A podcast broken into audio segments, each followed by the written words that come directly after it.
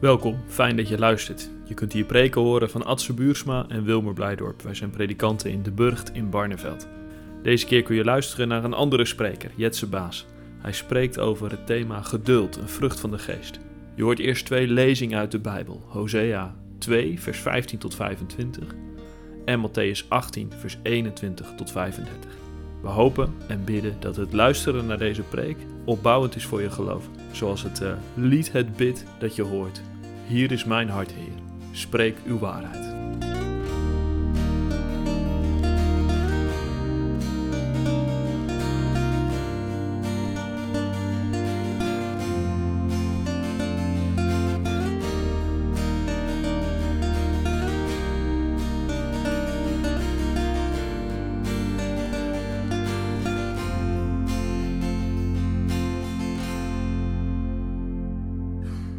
Hosea 2 gaan we lezen vanaf vers 15. En het gaat over de Israëls ontrouw en die wordt beantwoord met de liefde van God. Ik zal haar straffen voor de feest die ze aan de Baals wijde en waarop ze offers aan hem bracht. Uitgedost met ringen en halssieraden liep ze achter haar minnaars aan. Maar mij vergat ze, spreekt de Heer. Daarom zal ik haar meelokken naar de woestijn en dan tot haar hart spreken. Daar zal ik haar wijngaarden aan haar teruggeven. Het Agordal maak ik tot een poort van hoop. En zij zal mijn liefde beantwoorden als in de tijd van haar jeugd, als op de dag dat ze wegtrok uit Egypte. Dan, op die dag, spreekt de Heer, zul je mij mijn man noemen in plaats van mijn Baal. De namen van de Baals zul je niet meer in de mond nemen. Ik laat ze uit je herinnering verdwijnen. Op die dag sluit ik ten gunste van mijn volk een verbond met de dieren van het veld, de vogels van de hemel en alles wat rondkruipt op het land. Ik zal in hun land boog en zwaard en ander oorlogstuig stuk breken, zodat ze in rust en vrede kunnen leven. Ik zal je voorgoed tot mijn bruid maken. Ik zal je als bruid verwerven in recht en gerechtigheid, in liefde en ontferming. Mijn vrouw zul je zijn, want ik beloof je trouw en jij zult de Heer toegewijd zijn. Op die dag, spreekt de Heer, zal ik antwoord geven. Dan antwoord ik de hemel en de hemel antwoordt de aarde. En de aarde geeft antwoord aan koren olijfboom en wijnstok. En zij antwoordden, Jezreel, want het land zaai ik in met mijn volk. Over Lo Rugama zal ik mij ontfermen. Lo Ami noem ik weer mijn volk. En dan antwoordt hij, mijn God. We lezen verder in Matthäus. Matthäus 18, vers 21 tot 35. Daarop kwam Petrus bij hem staan en vroeg: Heer, als mijn broeder of zuster tegen mij zondigt, hoe vaak moet ik dan vergeving schenken? Tot zevenmaal toe? Jezus antwoordde: Niet tot zevenmaal toe, zeg ik je, maar tot zeventig maal zeven. Daarom is het met het koninkrijk van de hemel als met een koning die afrekening wilde houden met zijn dienaren. Toen hij daarmee begonnen was, bracht men iemand bij hem die 10.000 talent schuldig was. Omdat hij niets kon terugbetalen, gaf zijn heer bevel dat de man samen met zijn vrouw en kinderen en alles wat hij bezat verkocht moest worden, zodat de schuld kon worden ingelost. Toen wierp de dienaar zich aan zijn voeten van zijn heer en smeekte hem: Heb geduld met mij, ik zal u alles terugbetalen. Zijn heer kreeg medelijden en hij liet hem vrij en schold hem zijn de geleende som kwijt. Toen deze dienaar naar buiten ging, trof hij daar een van zijn mededienaren die hem honderd denari schuldig was. Hij greep hem bij de keel en zei: Betaal me alles wat je schuldig bent. Toen wierp deze zich voor hem neer en smeekte hem: Heb geduld met mij, ik zal je terugbetalen. Maar hij wilde daar niet van weten. Integendeel, hij liet hem gevangen zetten tot hij de hele schuld zou hebben afbetaald. De andere dienaren hadden gezien wat er gebeurde. Ze waren zeer ondaan en gingen naar hun heer om hem alles te vertellen. Daarop liet de heer hem bij zich roepen en zei tegen hem: Je bent een slechte dienaar. Heel de schuld heb ik je kwijtgescholden, omdat je me erom smeekte. Had je dan geen medelijden moeten hebben met je mededienaar, zoals ik medelijden had met jou? En zijn, en zijn heer was zo kwaad dat hij hem in handen van de folteraars gaf, tot hij de hele schuld zou hebben terugbetaald. Zo zal mijn hemelse vader ook ieder van jullie behandelen, die zijn broeder of zuster niet van harte vergeeft.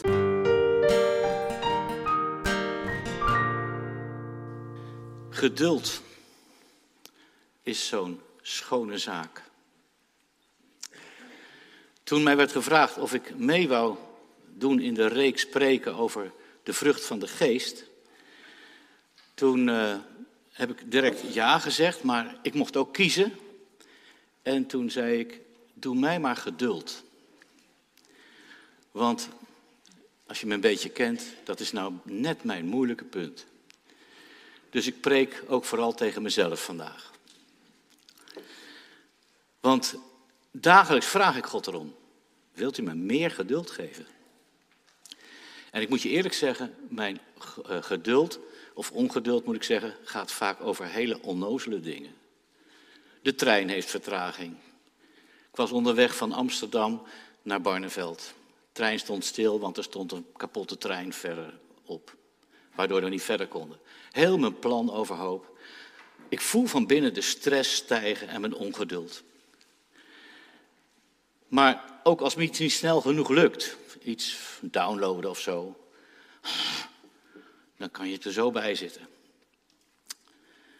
Het gaat dus vooral om zaken die anders lopen dan ik graag zou willen. Ik heb graag controle. En dan heb ik ook vaak geen geduld met mezelf en misschien ook wel niet met God. Geduld is grotendeels een ik-probleem omdat ze graag in controle wil zijn. Iemand die hoorde dat ik er vaak voor bad, die zei: Nou, kijk maar uit, als je er veel om bidt, dan gaat God je ook vaker testen of je wel geduldiger bent geworden. En iemand anders zei, Evert-Jan en Penius zei tegen mij: Maar hij heeft je toch een geduldige vrouw gegeven? En dat is ook helemaal waar. Maar geduld is volgens mij ook wel iets wat in deze tijd steeds meer onder druk staat. Want alles moet snel, snel, snel. Denk alleen maar aan de polarisatie, dat we nauwelijks tijd nemen om naar elkaar te luisteren. Dat gebeurt in onze volksvertegenwoordiging, dat gebeurt in de kerk. Luisteren we nog echt naar elkaar? We willen het liefst een antwoord hebben, eigenlijk voordat we de vraag gesteld hebben, via de mail of WhatsApp. Want dan word je ongeduldig. Waar blijft dat antwoord nou? Heeft hij het al gelezen? Uit onderzoek is gebleken dat jongeren, maar ik zet er een vraagteken achter, want ik denk dat ook voor veel ouderen wel geldt, dat ze na drie seconden afhaken als een pagina niet snel genoeg downloadt. En dat helpt natuurlijk allemaal niet om geduldiger te worden.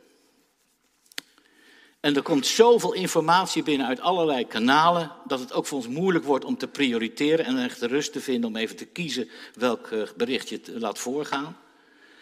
En zo heeft ook, denk ik, de snelheid van, invloed, eh, de snelheid van internet meer invloed op ons leven dan we, dan we zouden willen. We willen zo graag een wereld waarin we denken dat alles maakbaar is. En dat bevordert ons geduld ook al niet. En het gaat ook de kerk niet voorbij. Als de communicatie via internet al zo snel is, dan lijkt bijvoorbeeld een kerkdienst al heel lang en saai, want er is weinig afwisseling en begrijpelijk dat mensen dan afhaken. Geduld, een schone zaak, maar waarom eigenlijk? Waar komt het eigenlijk vandaan dat het zo mooi zou zijn? Laten we er vandaag eens over nadenken, over het woord geduld, maar over het geduldig zijn als vrucht van de geest. En wat is geduld nu precies? Kan ik er misschien wel meer van krijgen? Of is het een karaktertrek waar ik gewoon niks aan kan veranderen? Laten we daar eens, in de Bijbel duiken en ontdekken wat dat geduld nou is. Hoe dat in de Bijbel naar voren komt. In de Bijbel staat er vaak bij het woord geduld langmoedig. En dat is een oud woord dat we niet meer gebruiken, maar dat betekent lang van gemoed. Eigenlijk dus wachten, uitstellen totdat je actie onderneemt. In Exodus 34 staat dit. De Heer ging voor hem uit, dat is Mozes, op de berg Sinai.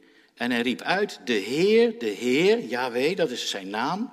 Een God die liefdevol is, genadig, geduldig en trouw en waarachtig. Geduldig.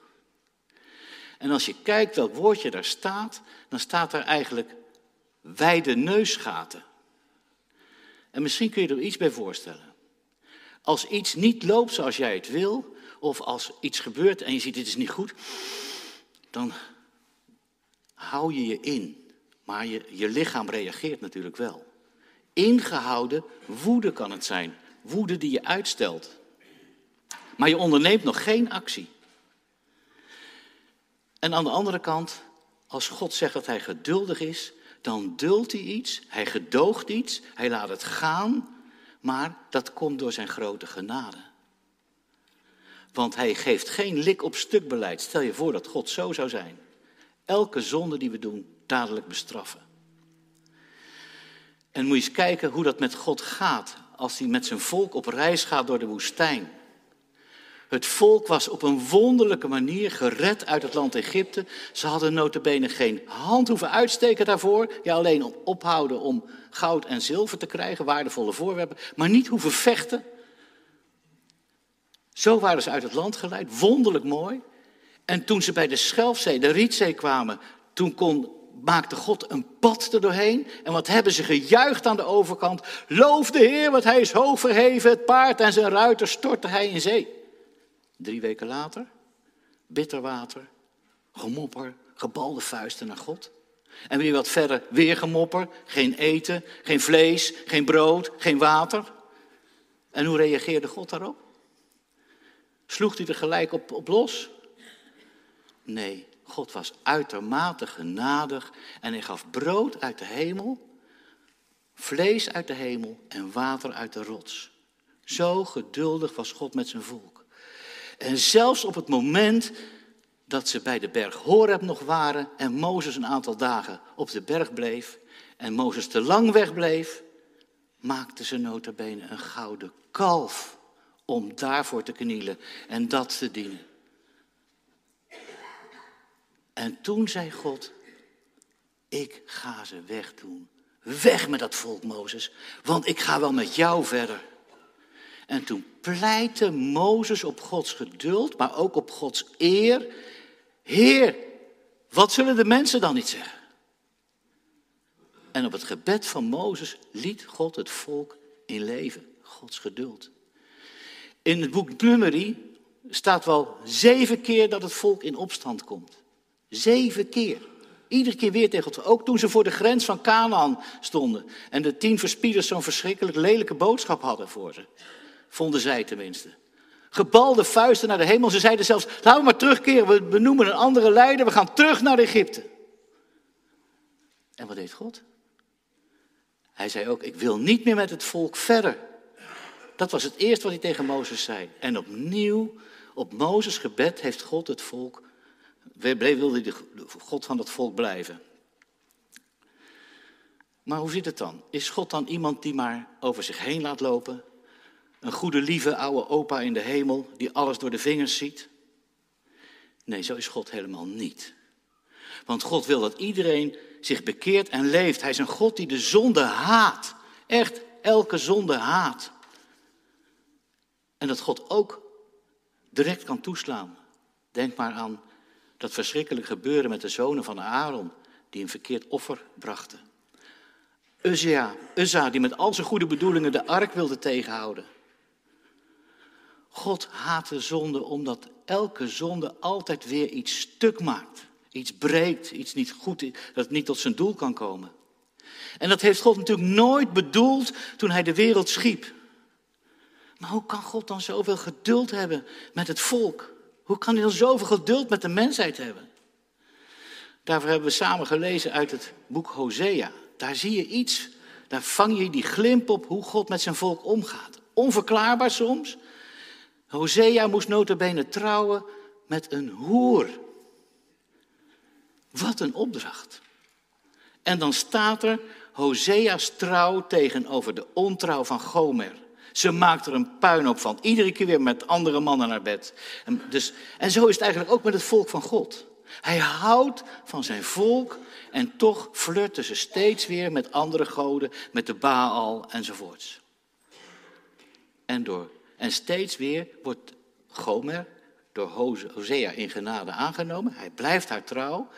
En zo doet God het ook. Het is dus een, wat hier diep onder ligt, is Gods liefde. Hij houdt van zijn volk. Hij is, zoals je zou kunnen zeggen, hij is als het ware verliefd op ze. En hij kan ze gewoon niet kwijt. En daarom zegt hij ook, ik zal ze vergoed tot mijn bruid maken. Zonder een enkele reden verklaart God toch zijn liefde. En omdat hij ondanks alles van zijn volk houdt en trouw wil blijven aan zijn woord. Daar zit dus de crux van Gods geduld met zijn volk, die liefde. Hij heeft zich aan hen verbonden met onvoorwaardelijke liefde. Maar hoe zit dat dan in ons leven? Hoeveel geduld heb jij met God? En met jezelf? Leven wij zoveel beter dan het volk Israël in de woestijn? Je zou het eigenlijk wel moeten verwachten van ons, dat het beter zou zijn nu. Want uiteindelijk hebben wij dat voorbeeld van hen gezien. Daar hebben we van kunnen leren. Maar er is toch een nog veel grotere verlossing en bevrijding geweest.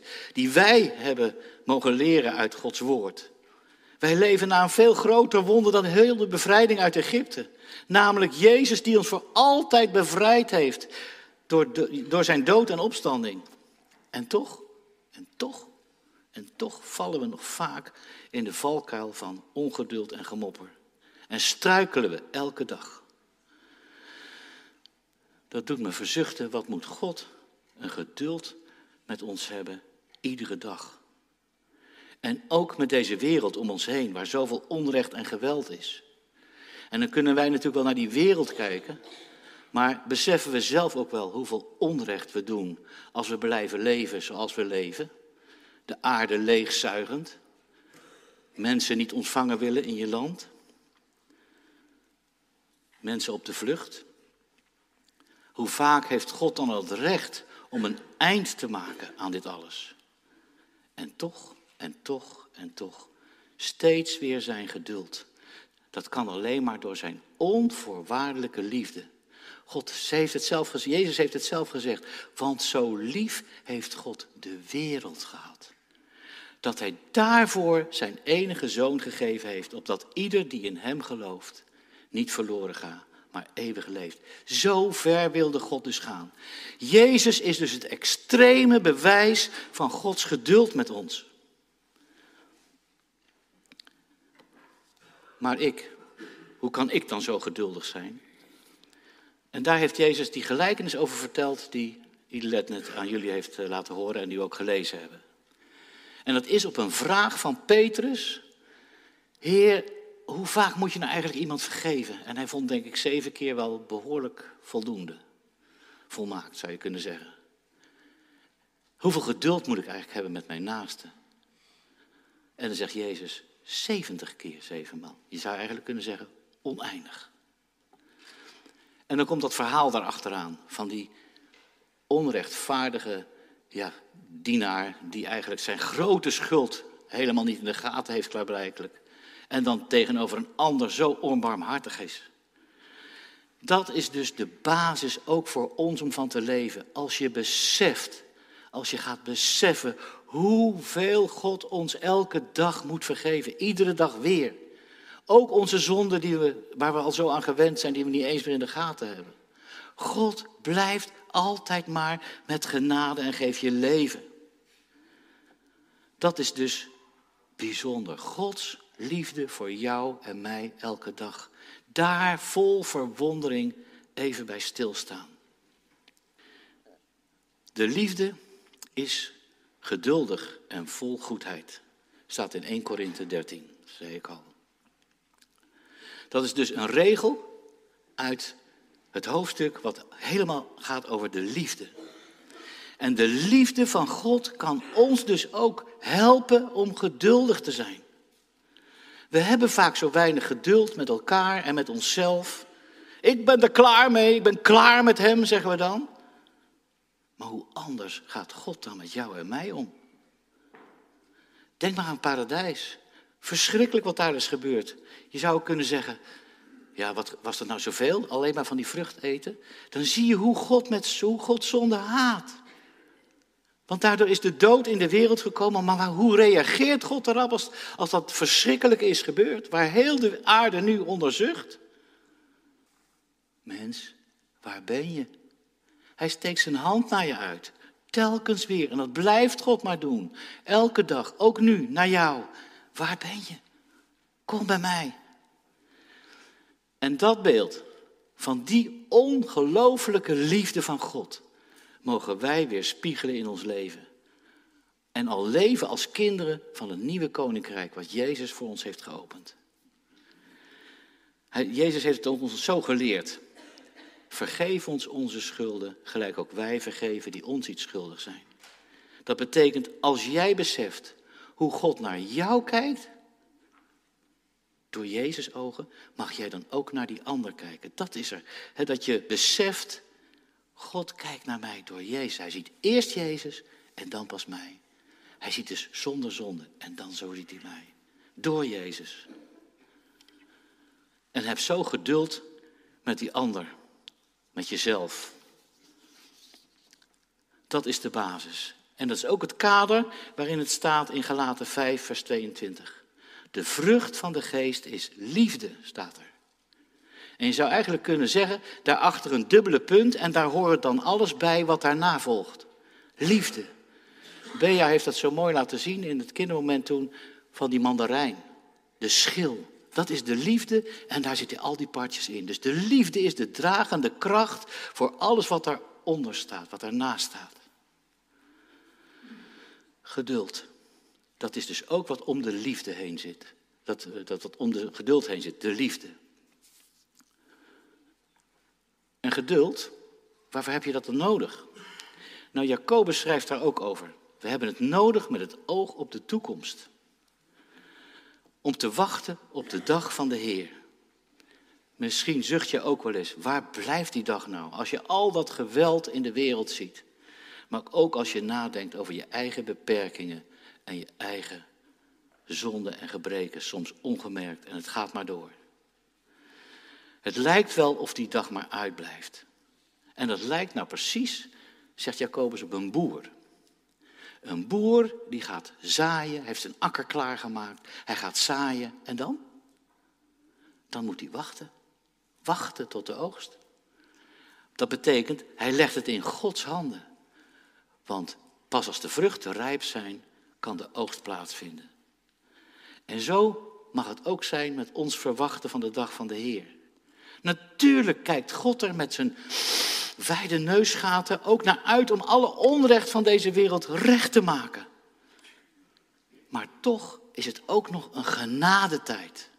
Petrus schrijft daarover: De Heer is niet traag met het nakomen van zijn belofte, zoals sommigen denken. Waar blijft u nou? Al meer dan 2000 jaar.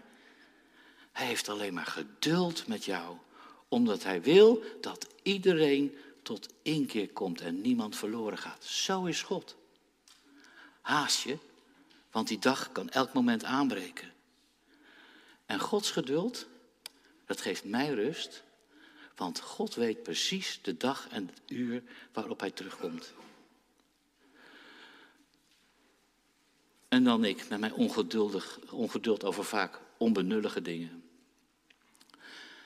Hoe kan ik dan geduldiger worden? Ik ben er nog lang niet. Misschien kan ik gaan trainen.